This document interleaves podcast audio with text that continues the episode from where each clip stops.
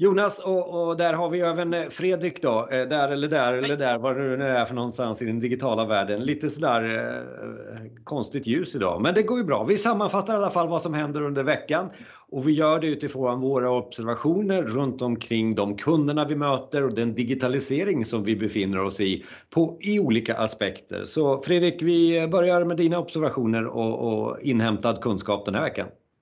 Ja, det har hänt jättemycket den här veckan.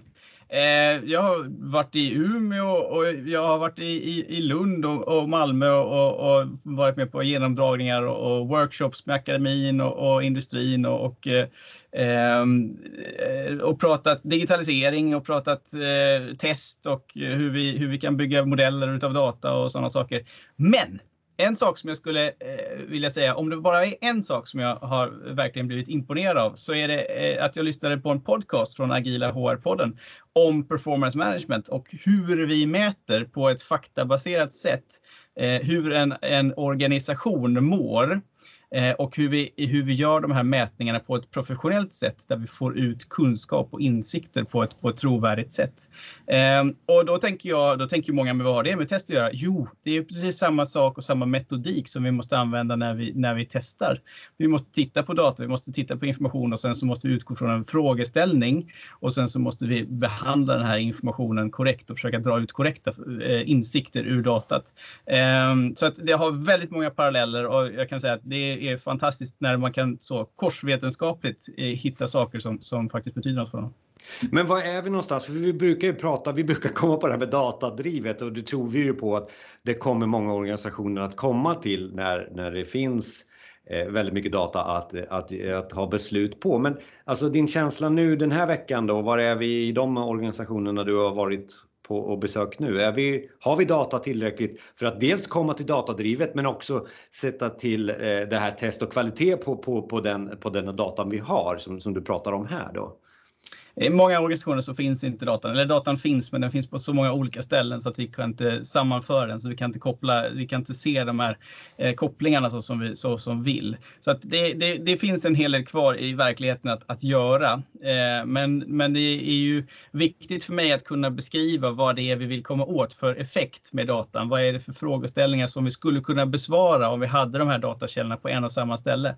Eh, så att det, det gör ju att jag kan få ett språk som gör att jag kan, kan kan förklara varför det är viktigt.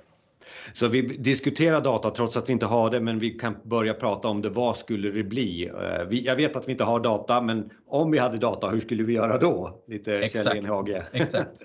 Kunna berätta de eh, historierna. Ja. Eh, funkar det? Får du med dig beslutsfattare? Jag är Absolut. lite nyfiken. Mm, mm. Eh, folk börjar förstå. Eh, folk börjar förstå skillnaden på det, det som jag eh, brukar prata om, det, det transaktionella sättet att jobba där vi utför eh, uppgifter baserat på en incitamentsmodell som är kontrakt eller, eller en överenskommelse till den transformativa sättet att jobba där vi funderar på hur skulle vi kunna göra det här bättre? Vad kan vi lära oss av de aktiviteter vi gör? Eh, och i den, den transformativa uppgiften och när vi jobbar transformativt så inser vi vikten av data. Det är som när vi jobbar, eller som när vi är hemma som privatpersoner. Vi, vi vill lösa en uppgift, jag vill köpa en cykel. Men det är ju det är en uppgift som jag kanske vill göra en, en prisjämförelse på och fundera på vad vi har för behov och sådana saker. Det, det är sådana frågeställningar som vi ställer som är vana som, som, som privatpersoner, men som vi nu behöver också kunna överföra till, till, till professionellt sätt att jobba. Och det är viktigt att påpeka att alla inte är mogna, för jag tror att när jag möter den yngre generationen så blir det ju väldigt så att ja, men vi bara sätter machine learning och AI på det här så har vi löst väldigt mycket av problematiken. Men när vi inte har dator det kan vara svårt att ta den diskussionen, försöker jag klokt säga och, och var gärna street smart för att liksom bygga vidare på det. Så att man känner sig lite så här eh, gammal och lite för klok, men också realist när man säger att ja, jättebra, men eh, vi har ingen data på det sättet som vi kanske skulle vilja ha. Nej, eh, utifrån de idéerna. Och framförallt så måste vi utgå från en viktig frågeställning som betyder något för oss. Det kan, vi kan samla in hur mycket data som helst, men om vi inte har en frågeställning eller ett mission som vi sen ska använda datan till att försöka besvara och berätta historien kring, så, så samlar vi bara in data utan, att, utan någon mening eller mål tyvärr. Den här veckan för min del så har det varit mycket så här att och nu känns det som att jag, eh, man, när man samlar på sig erfarenhet och då blir man ju så här, mm jag vet inte om jag, är det här ett klokt sätt att säga det eller är det man skryter på det. Men eh, oftast när man jobbar med eh, utvecklingsprojekt så handlar det om att läsa en backlog, alltså läsa det som ska göras utifrån user stories krav om du så vill.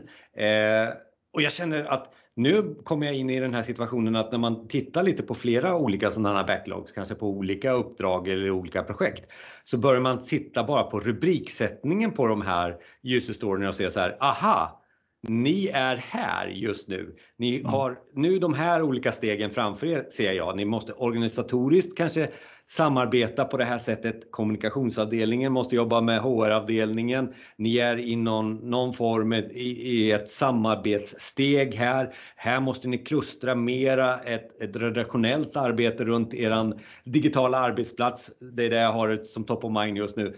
Och jag vet inte Fredrik, är det, är det så att man bör bli eh, gammal och klok när man kan bara läsa på rubriknivå eh, var, var eh, organisationen är någonstans?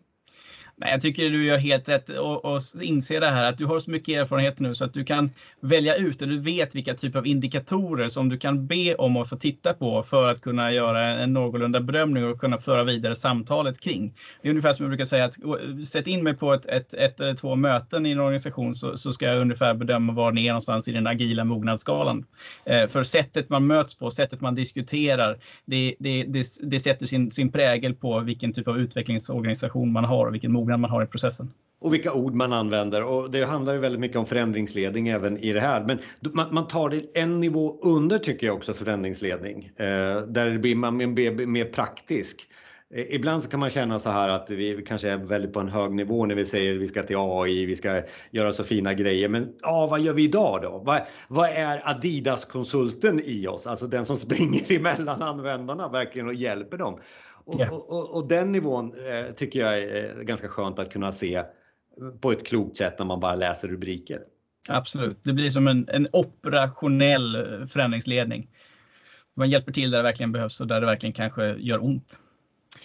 Vi tar ett helg på det här och så, återkommer vi eh, nästa vecka helt enkelt. Ha det bra Fredrik! Detsamma, hej!